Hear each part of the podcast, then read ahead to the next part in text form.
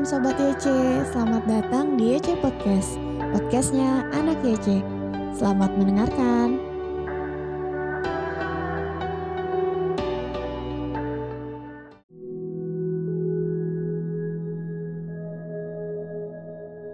Shalom teman-teman, gimana kabarnya pagi ini?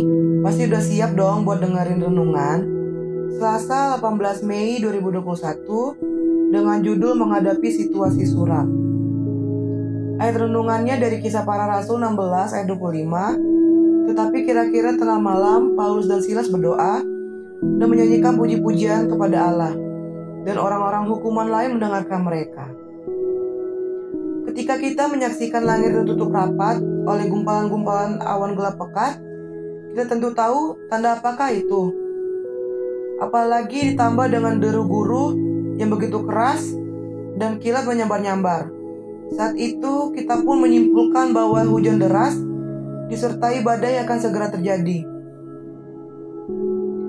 Saat kita melihat tanda-tanda suram itu, ketakutan pun mulai mengancam hati kita.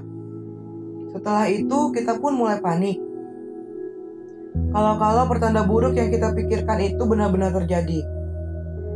Dalam perjalanan hidup bersama Tuhan, kita tidak terlepas dari keadaan-keadaan yang digolongkan sebagai tanda-tanda suram. Pernahkah kita merenungkan apa yang Paulus dan Silas pikirkan saat di hadapan mereka berdiri seorang hamba perempuan yang kerasukan penuh tenung perempuan dengan tenung-tenungannya memberikan kekayaan besar kepada beberapa orang. Mereka tahu apa resiko ketika mereka mengusir roh jahat dari perempuan itu. Itu jadi tanda suram.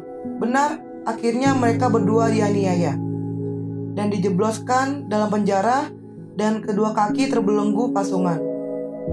Meski demikian, Paulus dan Silas telah menghadapi semua itu dengan sukacita karena dorongan kuat untuk menaati Allah dan menyebarkan kabar baik tentang Yesus Kristus.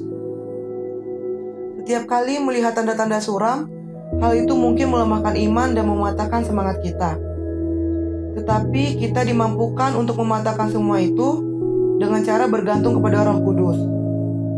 Roh Kudus memberi kekuatan dan menolong kita untuk mengatasi masa-masa tersuram dalam hidup kita dan Tuhan sanggup mengubah kesuraman menjadi sukacita. Bersama Roh Kudus, kita dimampukan untuk mengatasi masa-masa suram yang terjadi dalam hidup kita. Sekian renungan hari ini. Tuhan Yesus memberkati.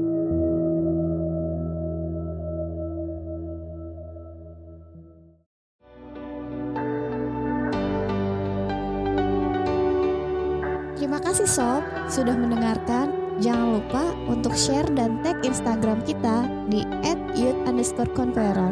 Tuhan Yesus memberkati.